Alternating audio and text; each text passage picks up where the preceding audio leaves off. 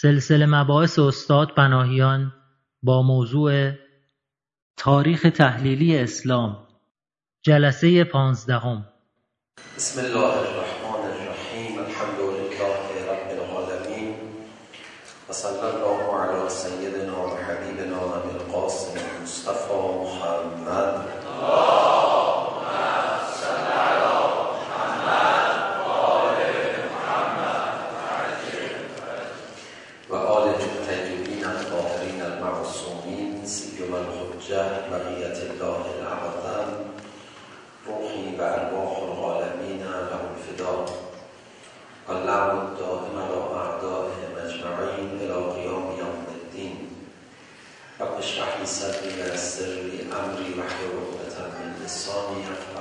قبله ما تحلیل های کلی و یه مقدار کلام درباره آغاز تاریخ اسلام رو خدمت دوستانمون عرض کردیم در جلسات قبل حالا در این جلسه میخوایم یک مقدار نزدیکتر بشیم به جزئیات و یکی از موضوعات بسیار مبتلانه یعنی خیلی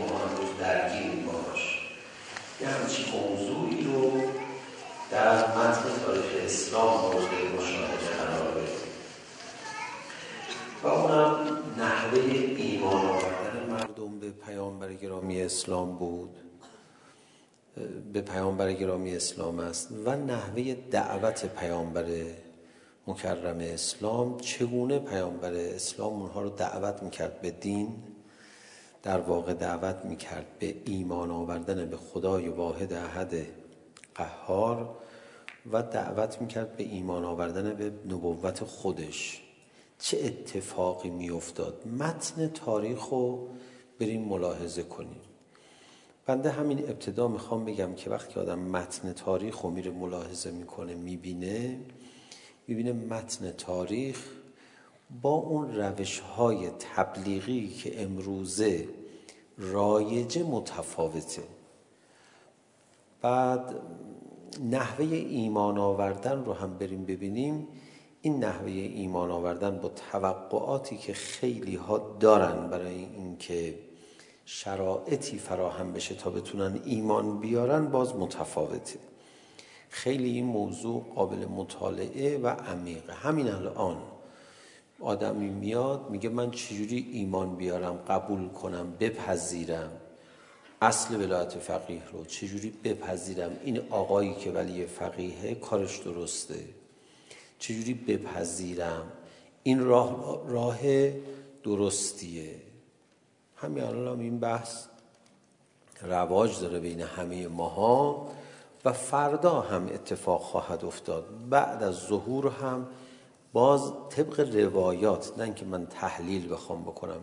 اولیاء خدا که از آینده خبر میدن بعضیا مشکل پیدا میکنن در ارتباط با اینکه ایشون همانی هستن که انبیا و اوصیاشون به ویژه نبی مکرم اسلام و ائمه هدا علیهم آلاف و تیت و سنا وعدشون رو دادن.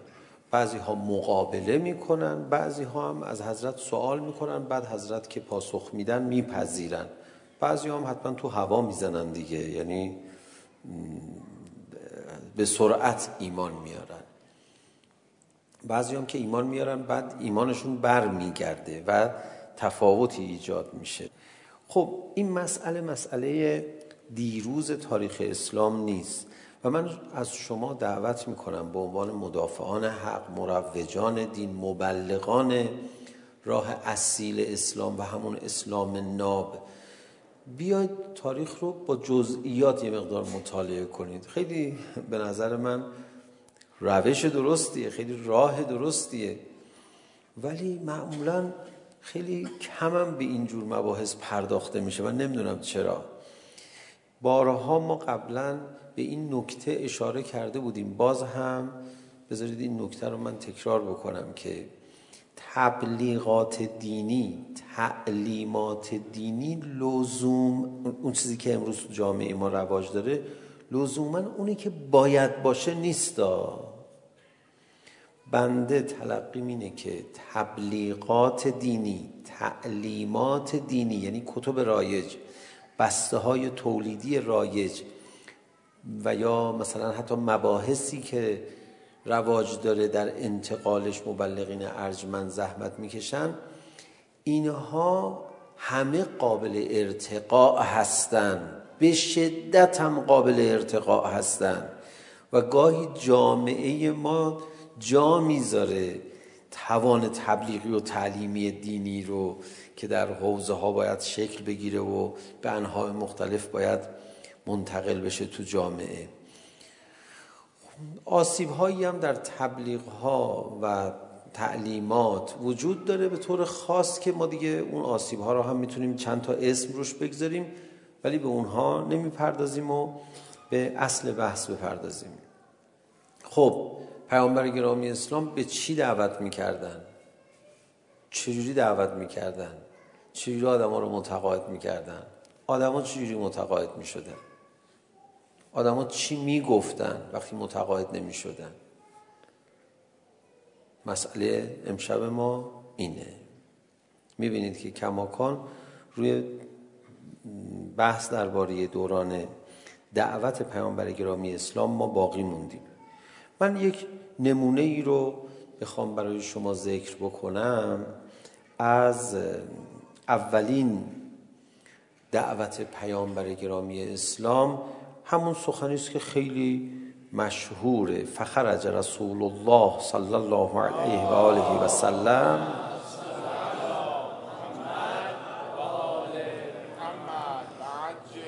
و قام علی الهجر. روی سنگ ایستاد و حالا این داستان به گونه های دیگه مختلف تب... مثلا با جزئیات تعریف شده ولی متن فرمایش رسول گرامی اسلام همینه. با یه مقدار مختصری تفاوت. فرمودن که یا معشر قریش یا معشر العرب آی جماعت قریش آی مردم عرب ادعوکم الی عبادت الله. شما رو دعوت میکنم به عبادت خدا.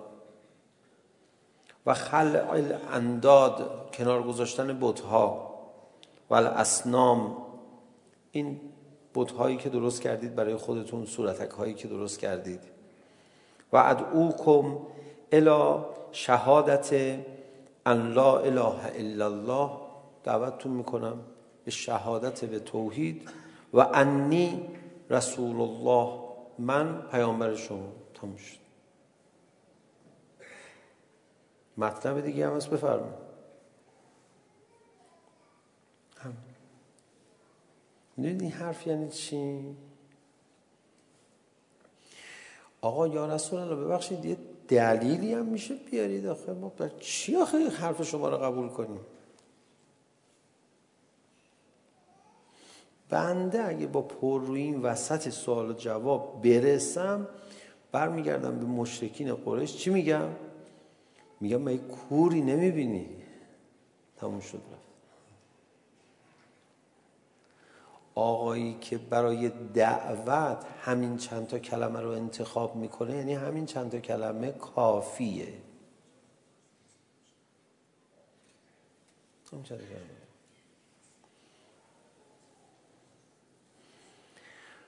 بقیه عبارات رو اتفاقا در یک بحث دیگه قبلا مرور کرده بودیم فعجیبونی حمل کو به هل عرب جواب منو بدید؟ دنیا رو اداره خواهید کرد. و تدینو به حالکم العجم و تکونو ملوکن فی الجنه. آقا اینا به نظر نمیرسه کافی باشه همین چند تا عبارت. اتفاقا نظر شما رو مشرکین مکه هم داشتن. به همین دلیل بعد از این فرمایشات شروع کردن پیغمبر رو مسخره کردن. آقا فکر نگو این کمه؟ این چی آخه؟ بله من میگم دیگه. خب منم فکر میکنم خیلی کمه. منم با شما موافقم. مشتکین مکه هم با نظر من و شما موافق بودن. اونا هم مسخره کردن.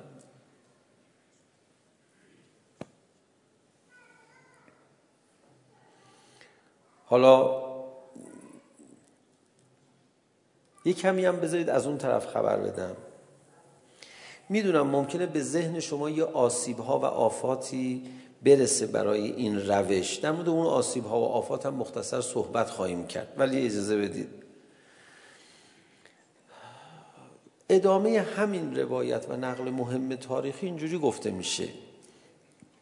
و اقبل رسول الله صلی الله علیه و آله و سلم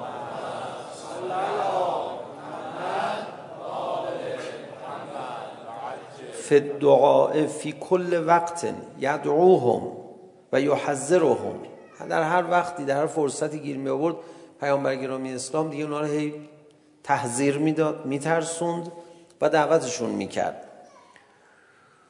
فکان من سمع من خبر ما سمع من اهل الكتب یسلمون. آقا برید جزئیات تاریخ رو نگاه کنید. اینا معنا داره حرف داره برای آدم کیا مسلمون می شدن؟ هر کی یه چیزی از اهل کتاب شنیده بود که بناسی پیغمبری بیاد از اون ور چیزی شنیده بود از این ورم رسول خدا رو میدید ایمان می آورد حالا بخوایم دقیق ترجمه کنیم قالب اون کسانی که یه چیزی داشتن. حالا اون چیز چیه؟ همونیه که ما باید دنبالش بگردیم. همون صفای باطن. همون چیزی که معنای تکامل یافتش میشه ایمان که واقعا سخت توضیح دادنش. تقریبا میشه گفت محاله آدم تعریف حد و رسمی از ایمان بده. چیه دقیقا ایمان؟ که معلوم نیست اون مؤمن هم داشته باشه حقیقیشو یا نه. تازه حقیقی قلابی هم داره مستقر و مستوده هم داره. صفای باطن واقعا به چیه؟ به اخلاق خوب مسلما نیست. بعضی اخلاق خوب دارن ولی خیلی پس فطرتن. دوزار نور وجودشون نیست. لزوما هم لازم نیست طرف اخلاق خوبی داشته باشه. بعضی بد اخلاقن ولی نور دارن. بد اخلاقی رو نمیخوایم مجوزش رو اعلام بکنیم ما یعنی مجوزش رو صادر کنیم. اون بعض وقتا یک کلماتی رو علکی این بر اون بر استفاده میکنیم بعدا میگن آجا زشته برای شما. مجوزش رو صادر کنیم. شما مجوزش رو صادر کنیم. حالا باید تذکر بدیم. گفتم 600 تا میگفت آجا 600 تا یا 700 تا 600 نداریم ما. غلط هم نمیتونیم عمدن حرف بزنیم یا گفتیم که آقا من به این مرغه گفتم که نگاه کن اون پرنده اون بالا سرت داره پرواز میکنه هیکل گنده کردی برای چی بپر تو هم یه نگاه کرد گفت اون بالا دونه هست حالا ما اینو همجوری ساختیم فکر نمی کردیم یه یه جایی دیدم نوشتن فلانی گفتگو میکنه با پرنده ها بابا ما علکی گفتی بابا عجیب شوخی هم نمیشه کرد بله چقدر راحت ایمان میارن بعضی این همون آفاتشه که باید مورد بررسی قرار بدیم ولی خب بعضی ها به پیغمبر اکرم راحت ایمان می آوردن یه چیزی داشتن شنیده بودن یه کسی میاد ایشون اومد من او همونم ایمان می آوردن یک کمی دوستان فکر میکنن روش چجوری مردم ایمان می آوردن کسی بناس بیاد ایشون می اومد من اون فرد هستم باش من ایمان آوردم بریم جلوتر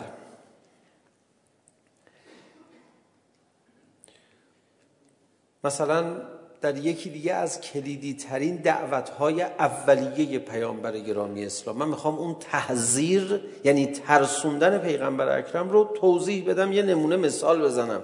میفرمایید. میفرماید که ارایتکم ان اخبرتکم ان العدو و مصبحکم او ممسیکم ما کنتم تصدقوننی؟ ببینم شما اگه من بگم این دشمن این بغل داره به شما حمله میکنه و اینا منو تصدیق میکنید؟ قالو بلا. گفتن بله. ما شما رو تصدیق میکنیم. اینجا استدلال تکیهش به چیه؟ به سابقه برداشتی که از من دارید. چقدر مهمه این سابقه؟ آقا من تا حالا حرف شما زدم که الان بی اعتبار باشه حرفم. نه. اعتبار دارم؟ بله. بعد بیان رو ببینید فانی نذیر لکم بین ید عذاب شدید من دارم شما رو پرهیز میدم از یک عذاب شدید من پیغمبرم یعنی یعنی من پیغمبرم و ابو لهب برگشت یه ناسزا به رسول گرامی اسلام گفت گمار جمع کردی برای این بعد سوره تبت یاد نازل شد که همون حرف رو خدا به ابو ابولهب زد. آقا شیوه دعوت رو ببینید. من یه بار دیگه بگم. ما میتونیم اینجوری دعوت کنیم به ولایت فقیه؟ آقا این راه راه خداست. کسی قبول نکنه جاش تو جهنمه. از ما گفتن. حالا من البته آدم بی اعتباریم ولی شما اگه آدم معتبری شاید همین عبارت کافی باشه.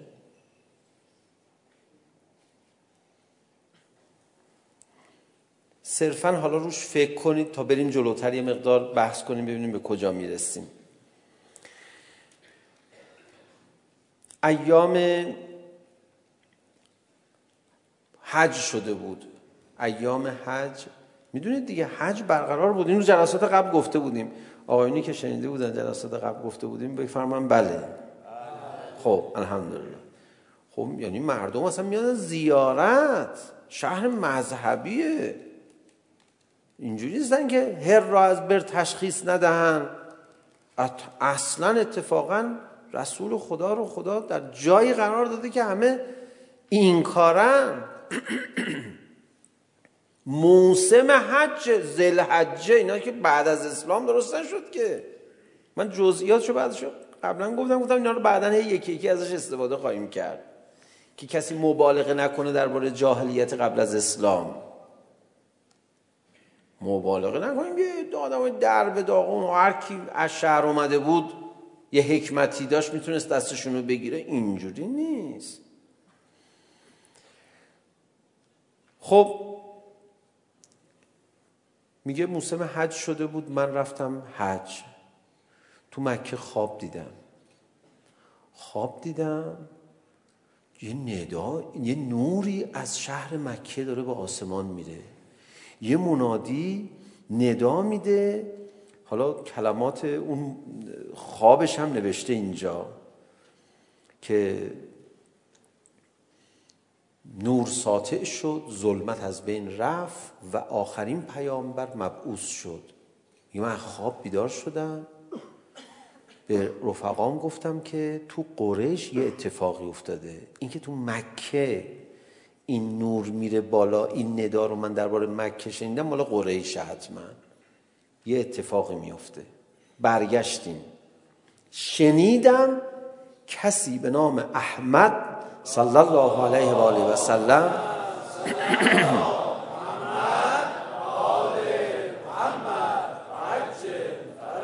مبعوث شده برگشتن حالا اون ملاقاتشون با پیامبر گرامی اسلام جالبه من عبارتاشو بخونم برگشتم اومدم ها وقتی که به من گفتن مردی از قریش مبعوث شده من اولین کاری که کردم یه بوتی داشتم تو خونه خودم اون بوت رو شکستم. ببینید این بوت پرستی اینجوری نبوده که بگم بوت خالق ماست. این نمادهای مندرآوری بود که واسطه قرار داده بودن و این رو چون خدا نفرموده بود که دست چیه این درست کردی؟ این میشه شرک. خب اونو شکستم و اومدم. یعنی دیدم دوران رسوم گذشته من به هم خورده. گفتم برم. هنو ندیده آقا رو. شنیده به گوشش خورده. منطقه یه خواب دیده. یه گروه دیگر رو دیدیم خبر شنیده بودن. درسته؟ خبر شنیده بودن. از علمای اهل کتاب کسی میاد اینجوری منتظر بودن. بعد تا ایشون رو دیدن ایمان می آوردن ایشون خواب دیده. بعد شنید این آقا بوتش رو شکستن نرفته. بعد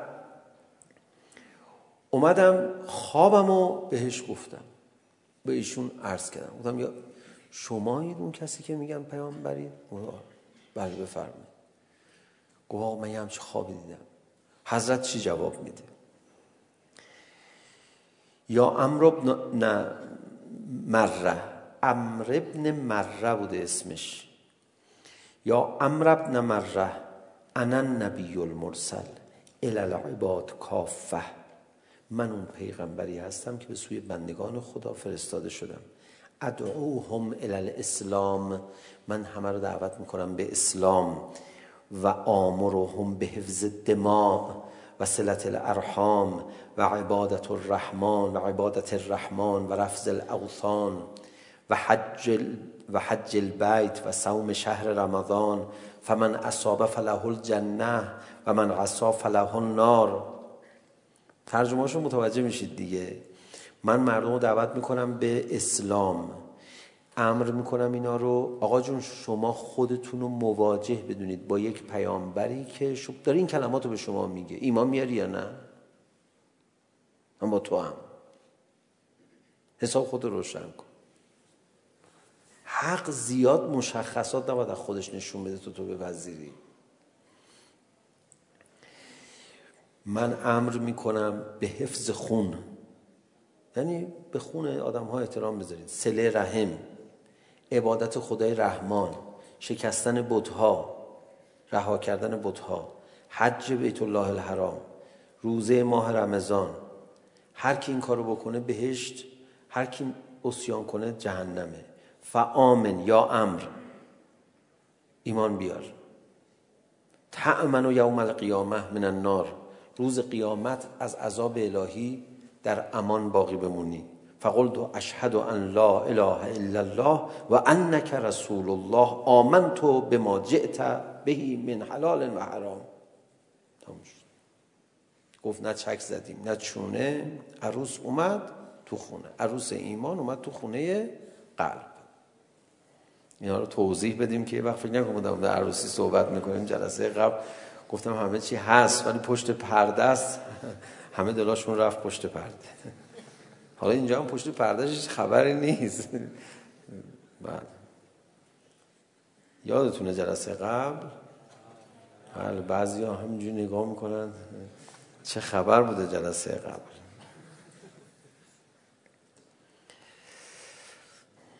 بعد میگه که گفتم یا رسول الله منو بفرست به سوی قوم خودم.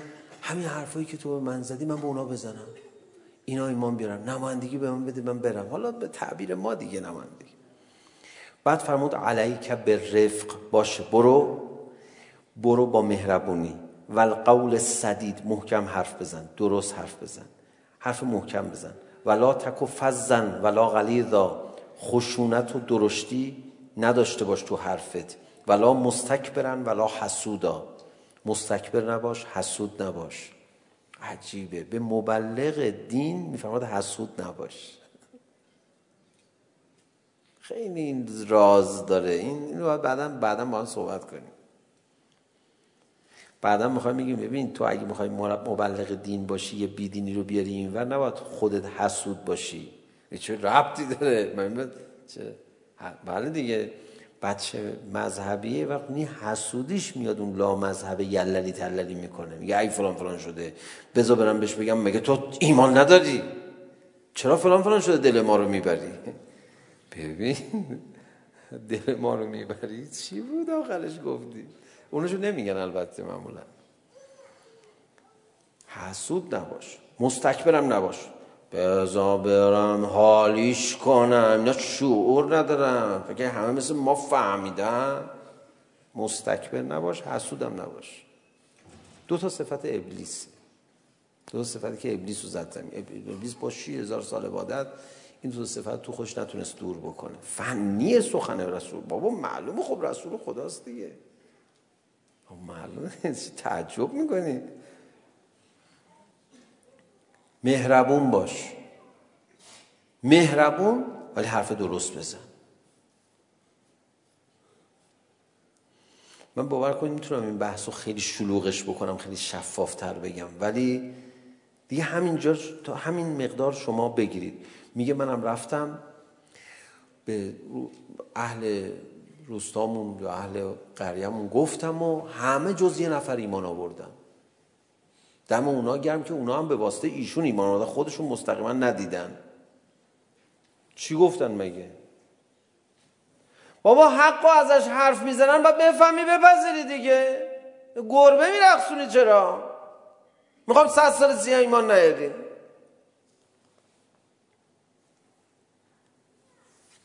زیاد پیچیده نیستش که. دوباره بذارید یک کلام دیگه از کلمات رسول خدا رو برای شما بخونم. آقا مزه میده اینا براتون؟ اینا دارید میچشید دونه دونه؟ یا مسئله شما نیست این چیزا؟ به من بگید اول ببینم چی میشه. آقا خوبه یا نه؟ نمیخواد دل ما یه جوری میگه بله حالا بگو دیگه تا. نه من دلم نمیشکنه. فکر نکن تو میگی نخ اینا به چه درد من میخوره من روحیم خورد میشه. میگم تو چقدر نمیفهمی اینا؟ من میخوام اینا منتقل شده موضوع که آقا میدونیم ما داریم بینیم چی رو داریم میچشیم لحظه ناب ایمان آوردن اون لحظه شناخته شده نیست خیلی اینو باید دید خیلی دقیق باید روش فکر کرد و آیا این لحظه برای ما اتفاق افتاده و این لحظه برای چه کسانی اتفاق میفته برای هر کسی یه جور اتفاق میفته این اتفاق نورانی این تولد روح در فضای نور و معرفت اینا رو بله ابو ت... کسی به نام ابو تمیمه میگه که من رفتم خدمت رسول خدا دیدم یه حلقه گفتن ایشون اینجاست ایوکم رسول الله و کدومتون از پیغمبری فرستاده خدا کدومتون است جانم به اون جواب نازنین فرمود که از شخص اول عالم امکان یه موضوعی رو من تا حالا صحبت نکردم و اون اینه که پیغمبر اکرم نفسی دارد اثری دارد کلامش که اون کلام و اون نفس و اون نورانیت رو قلب کسی اثر نگذاره نابوده هیچی من میخوام بگم اسمش هم این نفس رو داره نامش هم این اثر رو داره ما انتظار اثر از نور نام حضرت داریم اونا که دیگه نونشون تو روغن بوده که خود حضرت رو میدیدن خود حضرت میفرماید میفرماید دلم برای داداشام تنگ شده. گفتن یا رسول الله خب ما برادران شما هستیم. فرمود نه شما اصحاب من هستید. برادران من اونا کسانی که نام من رو کاغذ خوندن ایمان آوردن. این لحظه ناب ایمانه به پیغمبر آوردن. اصلا من میخوام همه قصه هاشو بدونم. آقا زوره؟ اصلا میخوام همشو بخونم اینجا. آقا زوره مگه؟ دوست داریم دیگه عشقمون رو میخوایم بذار یه کمی اخلاقی هم بحث کنیم. اشکال نداره. اون مردشو نه مردشو برده خیلی سنگ. اون آدمایی که صد دفعه فیلم عشقی نگاه میکنن خسته نمیشن بازم میخوام این دفعه چجوری این نامزد بازی هی میشه و آشنایی رخ میده. سر یک اتفاقی که بین دو تا کلاغ هم ممکنه بیفته. چجور اونا از این تلاقی لذت میبرن؟ ما از این ملاقات ها لذت نبریم. من نگفتم مرد شور برده ها ها که اینجوری هن. گفتم آدم هایی که اینجوری هن. درسته؟ من گفتم مرد شور برده نه نگفتم. آدم. بابا یه عده بعضی از آدم ها هستن عشق دیدن اون لحظه ها رو دارن. میگیم آقا تو سریال چرا بازم عروسی گذاشتی؟ اینا بازم داره میره خواستگاری میگه خب جاذبه دیگه نداره دیگه مردم به جاذبه باید بذاریم دیگه. خب جاذبه بذاریم این ایمان میاره. اگه بگی به بعضی از این دوستان میگن چی؟ چی؟ ما دیگه هم لطیفه تکراری ما دیگه. گفتیم من با آقا لطیفه جایی میخوایم. هیچکی نداد. بهش گفت آقا آب سرتو نذار پایین بخور. گفت چرا؟ گفت عقلت کم میشه. آبو بیار بالا. گفت عقل چی است گفت شما بخور راحت باش. میگم لحظه ایمان آوردن. اینو بذار تو داستان گره داستان این کی ایمان میاره؟ میگه چی؟ ایمان؟ آقا شما راحت باش. همون ازدواج. برو آقا جون. چون بعضیا کشت مرده. بابا آخرش ازدواج میکنه دیگه. همین کاری که سگ و گربه هم به خدا انجام میدن. الان زمستون فصل ازدواج نمیدونم چه گربه دنبال هم میفته شیر والا نمیدونم شلو خلو میکنم. ما که راحت میشیم هر کنارشون نه میخوام ببینیم چجوری این دفعه آشنایی صورت میگیره. چجوری اونا تکرارش برای بعضیا حالشون خوب نیست حلاوت داره. من میخوام اصلا ببینم هر کی ایمان آورد. من خود قصه همشون رو بدونم. بعد آقا دی حالا با این توضیحی که آجام شما دادی که جرأت میکنه بگه بده خب همون جرأت نمیکنی من میخوام همون جرأت نکنی دیگه جرأت هم نباید جرأت کنه حرف مفت بزنه چون فکر نکن ما خیلی بیکاری میخوایم آقا شما رو ایجاد میکنی کسی حرفشو نزنه خب بله حرف مفت نزنه برای چه حرف مفت بزنه بیکاری ما ما بشینیم هم... نه شما همه حرفا رو بشنون نه ما فقط حرف خوب میشنویم حرف مفت نمیشنویم مجبوری ما حرف مفت بشنویم اصلا بحث امشبمون همین هاست حالا جوون ما میره بنده خدا دانشگاه میره مدرسه میخواد درس بخونه میگه میگه حالا میگه یه درس هم با خدا و پیغمبر آشنا بشیم میگه باشه بگو ببینم میگه اما اول بذار حرفای مفتی که به پیغمبر میزنن جوابشو بدیم. میگه حالا من نمیخوام حرفای مفت اونا رو میخوام چیکار تو الان فعلا بگو من چیکار کنم؟ پیغمبر کی بود؟ توضیح بده. میگه نه اول تو باید حرف مفت بشنوی. اکثر درس‌های کلامی و معارفی ما شنیدن حرفای مفت و جوابای اوناست. آقا ما ببخشید آقا ما حرف مفت نخواهیم بشنویم که بخواهیم جوابش رو حالا بلد بشیم حالا باید کیو ببینیم نه تو آدم سالمی هم هستی باش اول باید بریم مریض بشی بعد مثلا الله به خدا قسم تو یه دونه از اینا از این صحبت ها اصل دوم اصول عقایدی که مشهور شده رو شما نمیبینید اصول دین چند تاست پنج تا اول توحید این زیاد ببینید دوم دوم عدل عدل کو تو هیچ کن دعوت نکرد بعد که خدا عادل است ببین بیا خدا رو بپرس ببین خدا عادل است میدونید چیه بذار برای توضیح بدم چی شد اصل دوم اصول عقاید شد عدل یه دعوایی شد بین دو گروه اشاعره و معتزله و سر اینکه خدا آیا عادل هست یا نه بیکار بودم. من چی بود مشکلشون؟ یه حرفی زدن حالا باید همه عالم از دعوای اونا خبردار بشن مرض اونا رو بخورن جواب اونا رو بخورن بعد بریم جلوتر. بابا اصلا ما به ذهنمونم نمیاد خدا عادل هست یا عادل نیست. چه چرت و پرتا چی داری میگی به من؟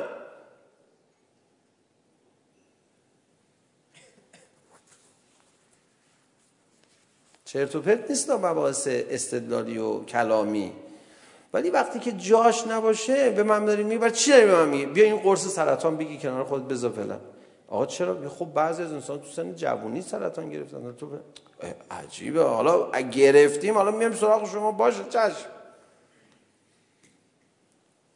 سرطان بیماری نادره میگه همه دانشجوها بیان داروی این بیماری نادر رو بگیرن. ای خدا ای پیغمبر آقا این چه دست در این تربیته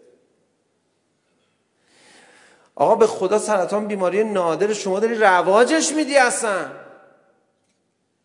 بذار بفهمن بعضی ها اگه دوچار این بیماری شدن بفهمن دوچار بیماری نادر شدن. آقا کسی تو عدالت خدا شک میکنه؟ به خدا قسم ما هم یه جوریمون میشه ها. حالا اینو صفا کن آقا. اصلا من این همه داده بیداد کردم. ما لذتیه که این روایت داره. گوش بده. حال کن. ببین. کدومتون پیغمبر خدا هستید؟ شخص اول عالم خلقت. پاسخ دادن. انا رسول الله. خب من پیامبر خدا هستم. من گفتم که بعضی هم گفتن ایشون رسول خدا هستن. جز جزئیات نقل کرده من هم دیدم مثلا رنگ لباس پیغمبر رو هم توضیح میده و دیدم اینجوری و اینا قلت الا ما تدعو یا رسول الله به چی دعوت میکنی شما یا رسول الله لحظه ناب ایمان آوردن به همین سادگی ادعو که الى الذي اذا كنت بارض فلات فازللت راحلتك فدعوته اجابک یوردی بخونم موسیقی داره این کلام هلاوتی داره به خدا قسم میفرماد ادعو که تو را میخوانم الالذی به اون کسی که ادا کنت به اردن فلات وقتی در یک زمین بیابالف بودی فازللت راحلتک.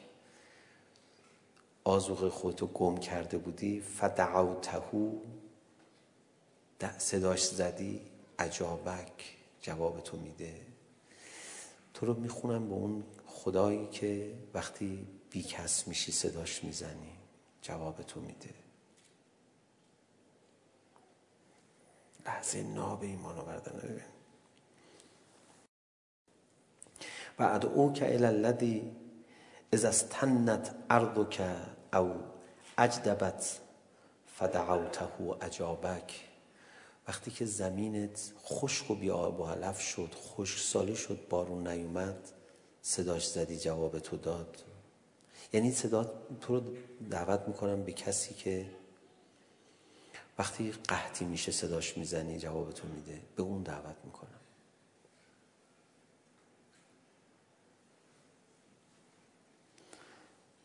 میگه من جواب این آقای چیه؟ لنعم رب هادا خوب خدای این. فاسلم تو. مسلم شده.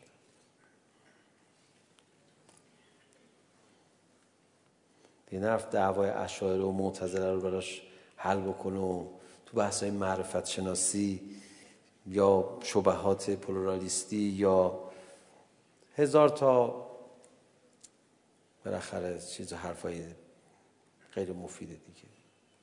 گر در خانه کس هست چند حرف بس است یک حرف بس. لحظه های ناب, ناب. بعد که ایمان آورد بعد صدا میزنه خب به من یاد بده. اون چیزایی که خدا بهت یاد داده. در اول ایمان آورد تموم شد. حالا چیکار کنم؟ پیامبر فرمودن اتق الله. لا ته لا تحقرن شیئا من المعروف. تقوا داشته باش. مراقب خدای خودت باش. کار خوب و سبک نشمر با برادران دینی خوش برخورد باش. با تکبر رفتار نکن. خدا متکبرین رو دوست نداره. فحش نده. بد اخلاقی نکن. بد اخلاقی ها با مهربونی برخورد کن. خدا بهت پاداش میده. برو. چقدر ساده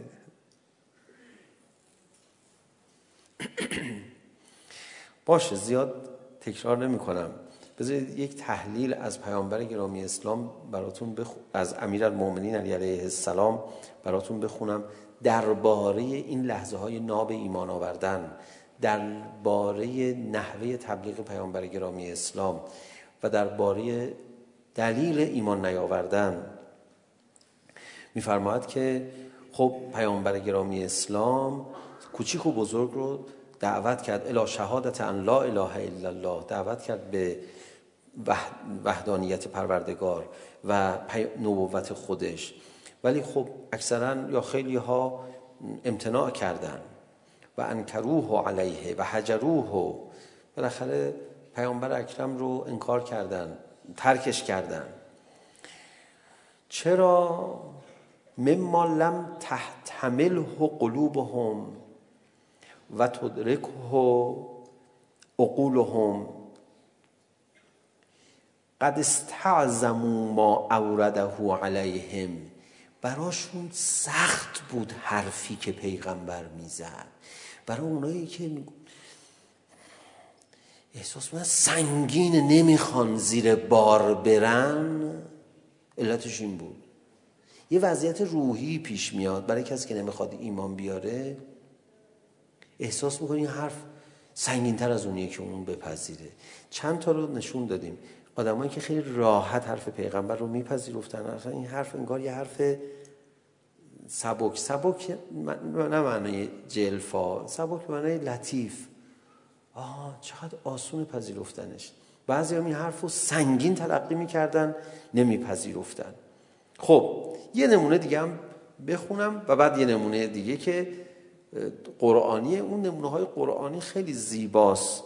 حالا ببینیم میتونیم به یمن میلاد پیامبر گرامی اسلام اون نمونه قرآنی رو هم با هم ببینیم. اولین کسی که از مدینه ایمان آورد که میدونید داستانش چی بود. میگه من رفتم موسم حج. حالا بذارید یه داستان در مورد موسم حج بگم بعد داستان اینو بگم. مشرکین قریش دور هم جمع شدن گفتن که خب ما چیکار کنیم؟ الان مردم از اقصانقات عالم میان دعوت های ایشون رو میشنون.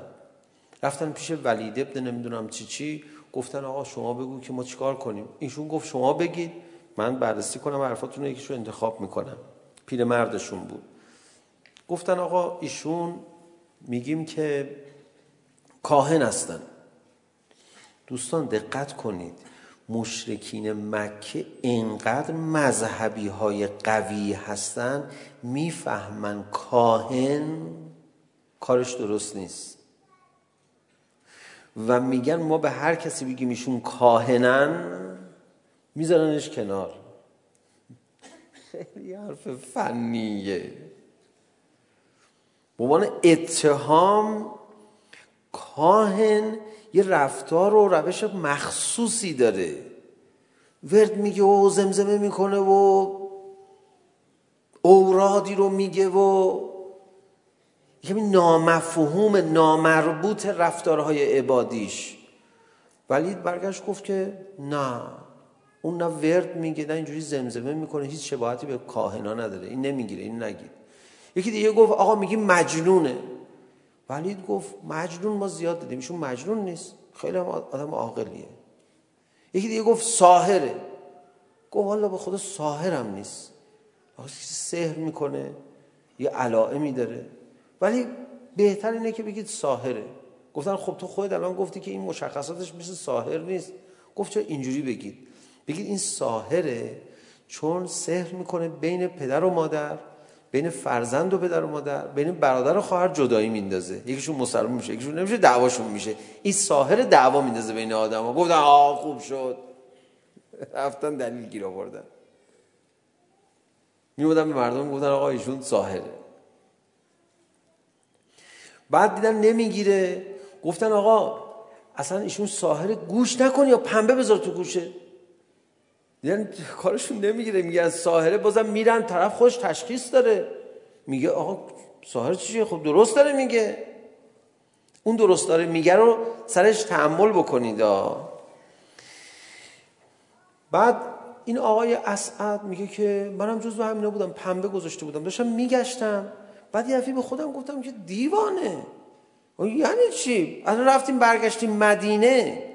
حالا فضا ببینید چجوریه اومده حج داره تواف میکنه. مذهبی مردم. فضای لایک امروز در نظر نگیر. بعد میگه که گفتم یعنی چی پنبه بذار بگم؟ چی میگن آخه ایشون؟ رفتم پیشش اصلا. رفتم پیش رسول گرامی اسلام. گفتم که الا ما تدعو. آقا جون شما به چی دعوت میکنی؟ برای من بگو ببینم یکمیشون الا شهادت ان لا اله الا الله. هیچ خدایی جز خدای واحد نیست. و انی رسول الله. و من پیغمبر خدا.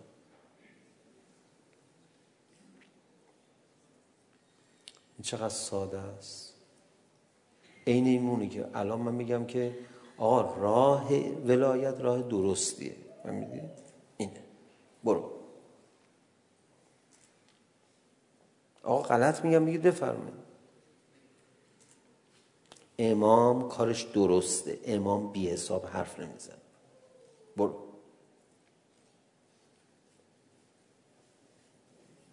خیلی این معنا داره بعد میفرماد که و ادعوکم و به این چیزا شما رو دعوت میکنم. ان لا تشرکو بهی شیئا. شرک نورزید. و بالوالدین احسانا و لا تقتلوا اولادکم من املاق. آقا الان شما بخواید بگید ولایت فقیه به چی دعوت میکنید؟ چی میگید؟ ها چیزی که خدا پیغمبرا میگن که اونو که بلدیم که. همه خب اون دیگه خصوصیتی نداره ولایت فقیه. الان ایشون حرف حسابش چیه؟ میگه آقا مبارزه با استکبار. حرف حسابش نیست. مبارزه با استکبار کسی اینو نمیفهمه. میخوام الهی 100 سال سیا نفهمه. نمیفهمه. میخوام نفهم شما پیام های حضرت امام رو که جنبه جهانی دارن گوش بدید. مثلا میفرماد ما باید بریم سراغ راه انداختن حزب جهانی مستضعفین. حالا حزب کلمه حزبش رو بله میفرمودن. مستضعفان عالم علیه مستکبران. خیلی روشنه حضرت امام. من یادمه بچه راهنمایی بودم. یه جمله از امام رو با خط خوش رو دفترم نوشته بودم با سلیفون. این چسبایی که پهناور هستن. بهشون میگفتن سلیفون. هنوز هم هستش دیگه. درسته؟ بعد چسبونده بودم روش که این چیز نشه. یعنی شیفته این حرف امام شده بودم. ای دریای بیکران انسانها بپاخیزید. همتون امشب حزب الله شدیم دیگه درست میگه دیگه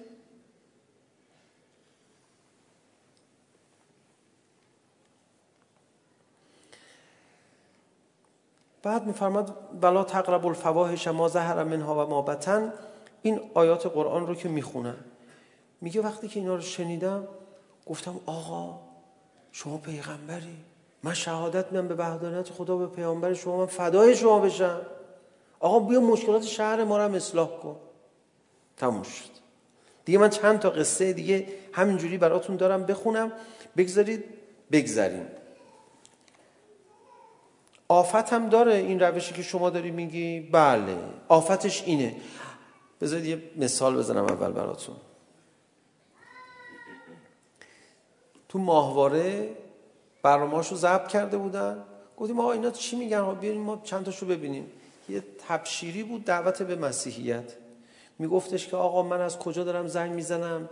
اینم خانومم اینم خودم اینا داریم صحبت میکنیم با شما. من اخیرا مسیحی شدم مسلمون بودم نماز میخوندم. حالا چی شد؟ با انجیل آشنا شدم اینا. بعد نمیتونستم تصمیم بگیرم. یه شب دستم یه دستم قرآن بودی دستم انجیل. نه آخرین نمازم رو خوندم. سر روز باشم سجده. گفتم خدایا تو میدونی من تو رو میخوام. من نمیدونم راه حقیقت چیه. تو منو یه جوری راهنمایی کن. این میگه من حقم میگه من حقم آقا زبون بازی بود یعنی زبانداری بود.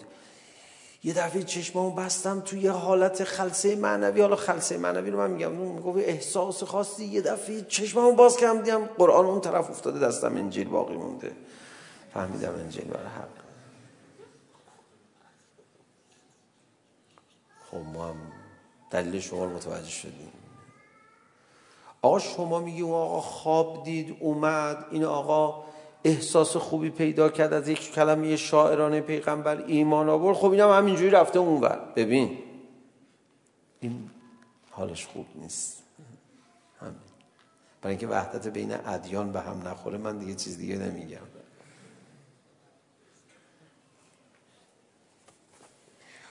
خب ما اینو جلوش با چجوری بگیریم؟ جلوش رو با جهنم هم نمیتونی بگیری. جهنم رو جلو تخم چشماشم بیاری نمیتونی جلوش رو بگیری.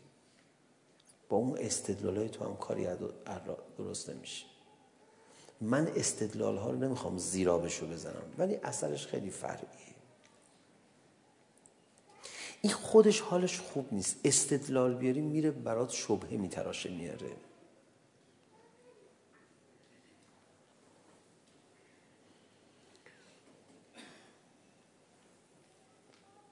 بذارید زیاد توضیح ندم وقت شما رو نگیرم در مورد این که آقا شما همجوری میگی فطری آدم ها ایمان بیارن با صفای باطنشون ایمان بیارن نور پیغمبر اکرم رو دریافت کنن ایمان بیارن. این خب یه چیزی که آفت داره.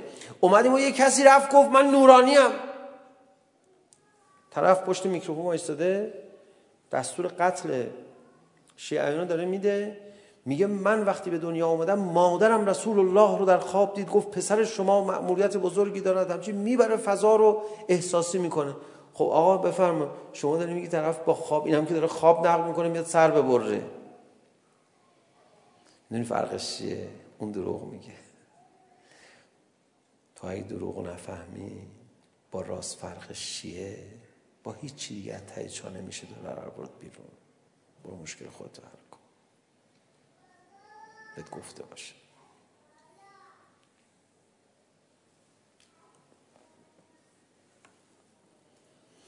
از این چیزا آخر زمان زیاد میبینید آقا ما رو به هیچ زنجیری نمیخوای ببندی محکم اومدن قریش پیش پیامبر گرامی اسلام گفتن یا رسول الله شما میگه پیغمبری خب پیغمبر دیگه اگر پیش خدا عزیزی این عباراتشون دارم میگم براتون. اگر پیش خدا عزیزی بیا این کارو برای ما بکن. بگو خدا مثل عراق و شام رودخانه هایی که رو سرزمین اونها هست رو زمین داره میره یه رودخانه هم تو مکه بفرسته. ما اصلا آب نداریم اینجا. بعد این کوه ها رو ببره عقب. یه جا باشه نفس بکشیم. اینجا همش در رو سنگلاخه. یکی دو تا خواسته اینجوری خواستن از من. آقا فرمودن من برای این چیزا نیومدم. گفتن خب برای ما نمیخوای کاری بکنی برای خودت یه کاری بکن. یه دارایی یه چیزی به تو بده تو مستغنی بشی از دنیا. ها تو هم که روزا مثل ما داری کار میکنی پول در بیاری. اما تو چی چی تو ایمان بیاریم ببینی حالا انصافش انصافش رو ازش نگذریم واقعا حرفای بدی هم نمیزدن ها.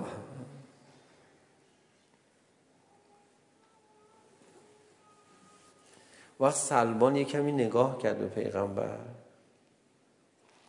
گفت اشهد انک رسول الله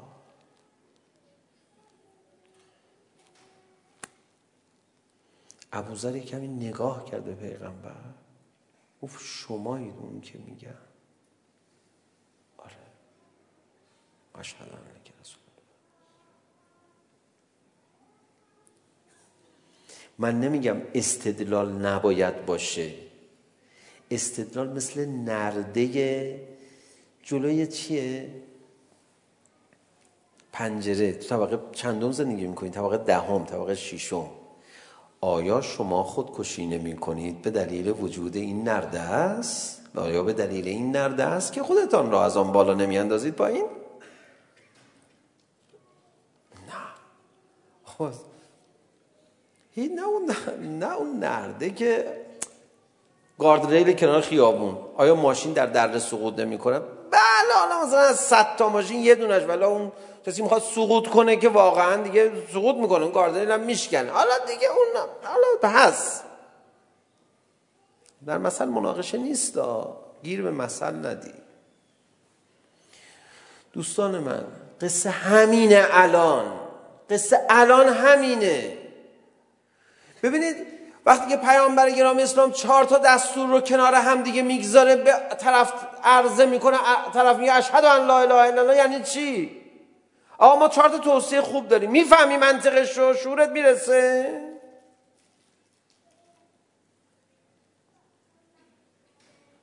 چهار تا حرف ولی فقیه بار بذار رو کاسه بود. یا آقا داره اینو میگه. میفهمی؟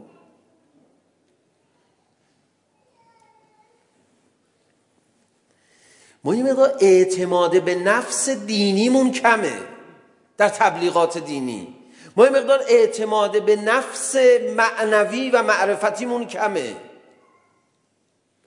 این چیزی که میشه یکی از نقدهای تبلیغات فعلی در تبلیغات دین و این راه درست تلق...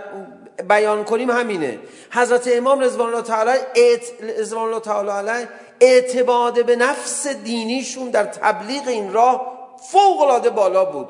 تو رو خدای چند نفر بردارن یه تحقیق در بیارن بنویسن از کلمات از دام بزنن به در دیوار. اعتماد به نفس حضرت امام در تبلیغ این مرام و راه این انقلاب در کدام یک از سخنان امام تجلی دارد؟ بنویسید بزنید به در دیوار. اعتماد به نفس مقام معظم رهبری در تبلیغ دین. بنویسید بزنید به دیوار اوج اون زمانی که اصلاحاتی های افراتی دیگه خوشخوشونشون بود که دیگه تمام شد دورانی حرفا گذشته آقا یه بار تمام دولت مردا رو جمع کردن فرمودن که بعضی شبیه میکنن تشبیه میکنن ایران اسلامی و انقلاب اسلامی رو به شوروی و گورباچوف. از خیلی فرق هست بین اینجا و اونجا. یکی از فرقاش اینه که اینجا مردم ایمان دارن. آقا اونا تو جلسه بعضیشون میخندیدن. تو دلشون. یعنی چی گذشت آقا. من یکی از با تئوریسین هاشون صحبت کردم گفت دیگه وضع بعد میگرده به وضع معنویت. آقا با چه اعتماد به نفسی؟ اصلا اعتماد به نفس از تمام ببین اسلام سنگرهای چیو کلیدی جهان رو یکی پس از دیگری فتح خواهد کرد. درست چشمای باز ما یکی یکی داره اتفاق میفته اتفاق افتاد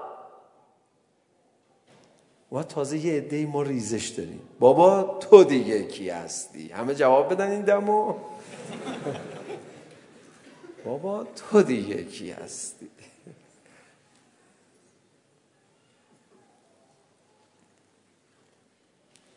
خب این حالش خوب نیست عزیز من هر کسی به این راه ایمان نیاره چگونه است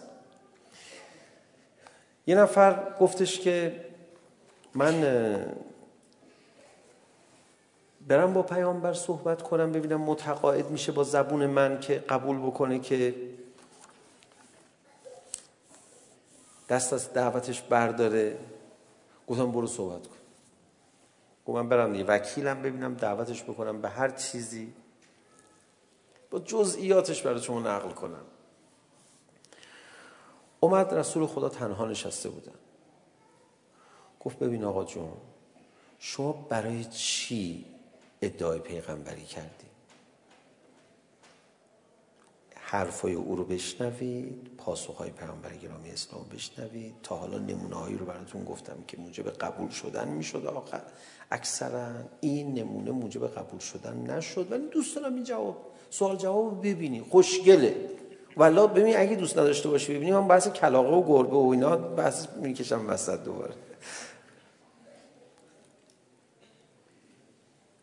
برو سراغ اون داستانا که برای حیوانات هم اتفاق میفته برای آدم هم مشترکه.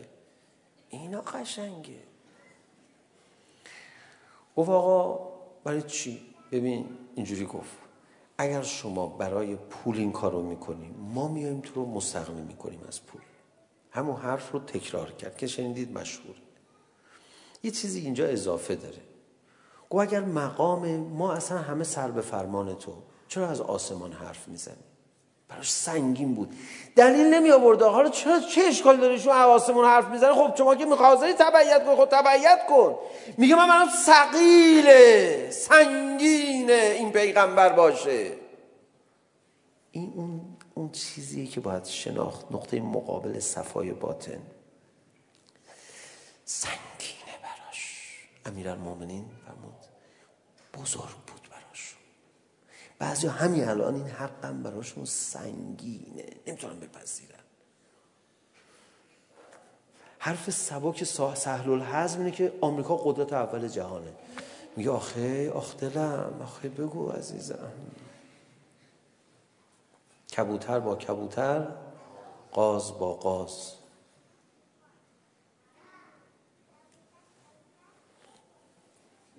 همینه دیگه. این حرف رو دلش سبکه مثلا الان من به شما مثلا چی بگم؟ شما بگیم اینجوری تایید کنی. بگم مثلا از فضائل علی ابن ابی طالب بگم میگم علی ابن ابی طالب. همیشه مظلوم بود میگم. بله بله. چقدر شیرین راحت میپذیری. جگرت حال میاد. به اون بگو آمریکا قوت قدرت اول جهانه. میگه بله. آه بله. بگو. حال کردم. میره ها باهاش میره به خدا قسم بعد حرف حق بزنی سنگی اصلا میخواد منفجر بشه ببین آمریکا ضعیفتر از ماست من دیدم چشماش میخواد حدقه بزنه بیرون ما قوی تر از آمریکاییم ما میزنیم اونو زمین ببین برند ما اینه که ما نه به آمریکا بگیم بگیم تو ضعیفی مرد شور تو ببرن تو هیچ غلطی نمیتونی بکنی میخواد منفجر بشه این کلماتو میگی این کلمات گندست براش بگو آمریکا تو دو دقیقه میتونه ما رو نابود بکنه یا اصلا حال میاد دیگه حس دیگه بابا اینا معنا داره من میخوام بگم اینا رو بگیر شما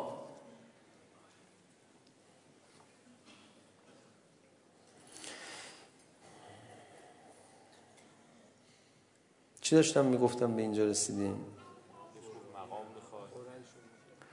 آره گفتش که من برم آها یه چیز جمله ای که اضافه کرد گفت ببین اگر شما یه بیماری پیدا کردی که یه جنی چیزی میاد اذیتت میکنه وادارت میکنه این حرفا رو بزنی بگو میبریم به دکتر. باور کنی گفت میبریم پیش طبیب. بالاخره یه اورادی از این جنی که روح آدمو تسخیر میکنه یه دفعه آدم حرفای سنگین سنگین میزنه اینو در میارن بیرون. بعد وقت بیچاره چه حرفایی میزنه پیغمبر اکرم. ای فدای ریز ریز ریز ریز کلماتش بشن برگشت رسول خدا بهش فرمود که حرفاتو زدی گفت آقا فرمود حالا بشنو من چی بهت میگم گوش بده گفت باش آقا شروع کرد سوره فصلت رو براش خوندن تا آیه 27 میگه اونم شروع کرد گوش دادن غرق گوش دادن شد یعنی اصلا دستش رو گذاشت پشت سرش شروع کرد گوش دادن برگشتن رنگ روش تغییر کرده گفت آقا ایشون حرفاش عادی نیست خیلی قشنگ عجیب بود نه کاهنه نه دیوونه است من میگم کمکش کن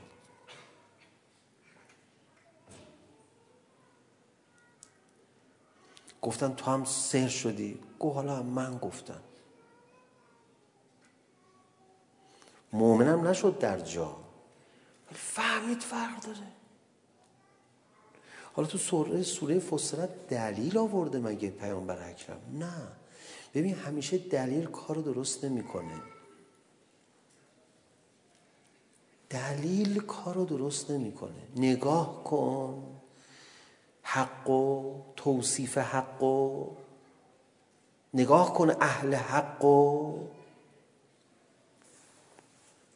اما از کسانی که منحرف بشن.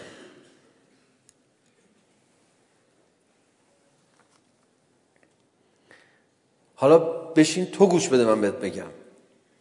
آقا رسول خدا شروع کردن قرآن تلاوت فرمودن.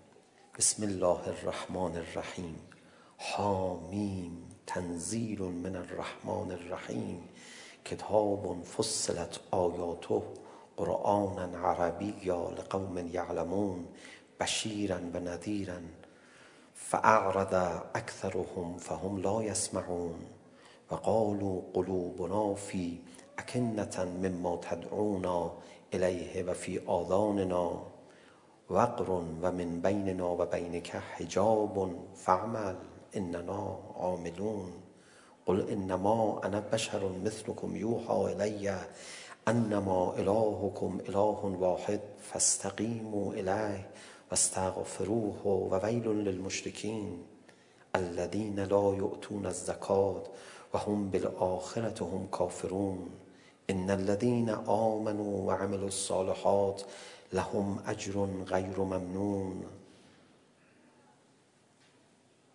الى آخر من هشت آیه رو برای شما خوندم بخواید تا 27 بخونید باید بله سه صفحه از این قرآن رو بخونید بعد پیامبر فرمودن شنیدی حالا برو هر جا دلت میخواد یعنی احساس کردن حجت رو رو تمام کرده این ترکیب به این زیبایی به این عمق فهمیدی؟ اگه نفهمیدی برو.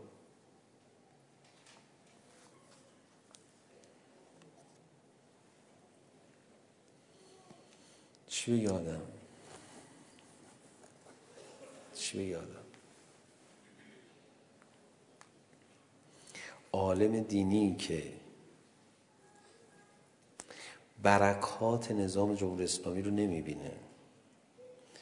در مقابلش این چهار تا ایراد و مشکلاتی که وجود داره اون ایراد رو بزرگتر از برکاتش میبینه. جنایت های حکومت های غربی رو نمیبینه. چهار تا خوش اخلاقی های متظاهرانه اونا رو میبینه. اونا رو به حکومت رسول خدا نزدیکتر از این حکومت میدونه. بعد خودش رو در سطح آخر علم دینی مطرح میکنه. بعد یک کسی مرید اون میشه. پیدا کنید پرتقال فروش را اینجا باید نوحه رو خوند بابا تو دیگه کی هستی دم جواب داد ولی خب دیگه حالا شب نوحه نیست و اینا ما هم میگذریم دوستان من مشق شب یه کاری گفتیم کسی گوش نده ها اعتماد به نفس معنوی حضرت امام و مقام معظم رهبری رو در کلماتش جمع آوری کنید بیاید هفته بعد بزنید اینجا به دیوار بچه‌ها بخونن جزوه کنید پخش کنید. برای خودتون برید تحقیق کنید. گوش ندی اینا؟ بگو باشه. باشه؟ باشه. چون من میدونم این راحته گفتنه چشم براش یه مشق دیگه. نصف شب بلند شد سوره فصلت و 27 آیه اولش رو به نیت اینکه گویی کنار خانه کعبه رسول خدا این آیه رو داره به تو میخونه که ایمان میاری یا نه. بخون. یه نگاه به اون مشرکه بکن یه نگاه به رسول خدا. این کلمات رو ببین با تو چه میکنه. خودتو در معرض لحظه ناب ایمان قرار بده.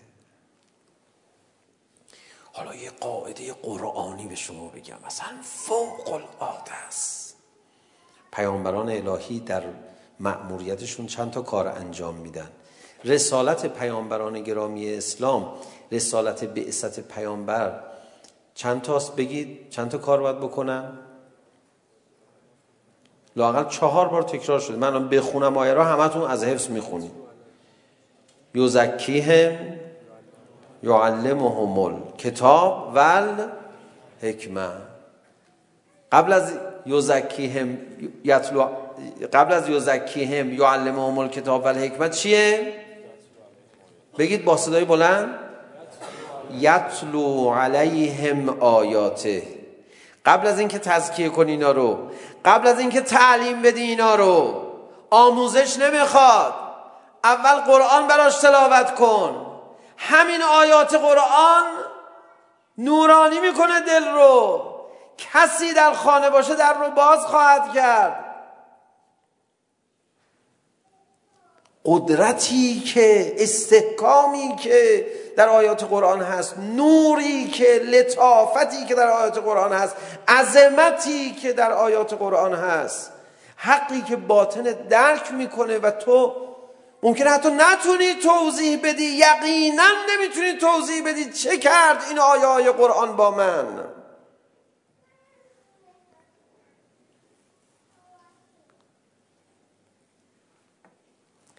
یه زمانی یادتون هست؟ ما جلسات اول شهدای گمنام بود خدمت شما میرسیدیم. گفتیم ما یه هیئتی داشتیم. پای قرآنش بچه ها گریه میکردن. شهید ترازانی، شهید ورزدار، شهید صفوی اینا رو یکی یکی اسمشون رو بردن و مثلا ارث میدادن به هم دیگه. اول شهید ترازانی گریه میکرد. بعد اون رفت. دیگه ما میفهمیدیم دیگه. هر کی حسش به جایی رسیده که پای تلاوت قرآن دوره ای اشک میریزه اون رفت آقا رفت از دست رفت امانت بعدی شهید میشد یادتون هست که اینا رو یادتون نباشه یه موقعی یا چون یادتون باشه من میگی برم از قرآن هیئت برسم میشه ما یه هیئتی داشته باشیم قبل از سخنرانی قرآن باشه بعد همه اومده باشن قرآن بشنون تو جلسه میدونی میشه ما یه همچین جلسه داشته باشیم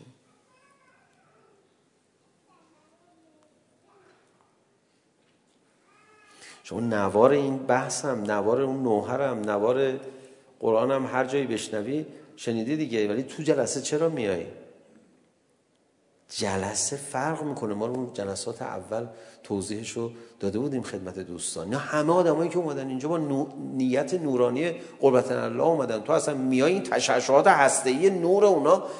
پدر صاحب بچه رو در میاره. کلی نورانی میکنه. خارهای مغولانه وجود تو رو پاک میکنه. قدمی که برمیداری. محیط خودش اثر نمیم اینجا قرآن بشنویم. گفتم اون شهید اینقدر منو دوست داشت تو وصیت نامش به برادرش میگفتش که فلان دست از فلانی برادر ما رفتیم. ولی من جلوش وایسادم سلام علیک بکنم دم جلسه.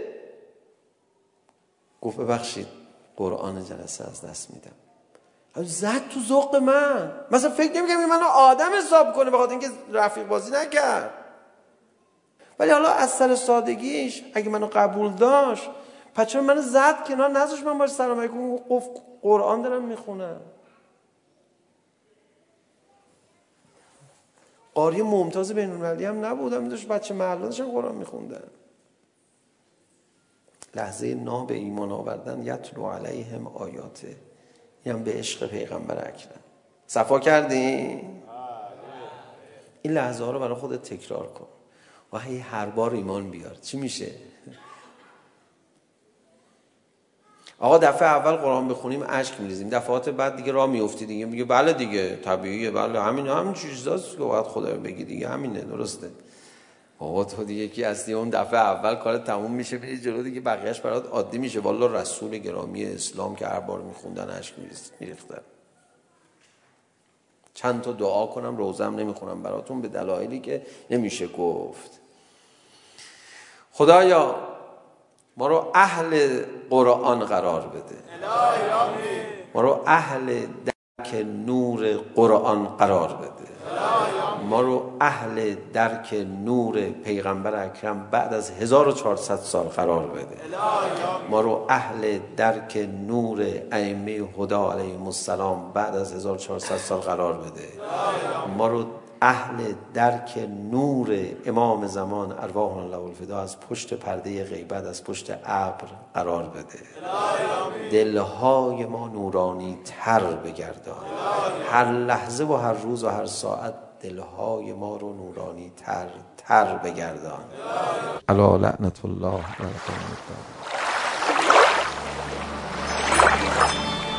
بیان معنوی نقطه های آه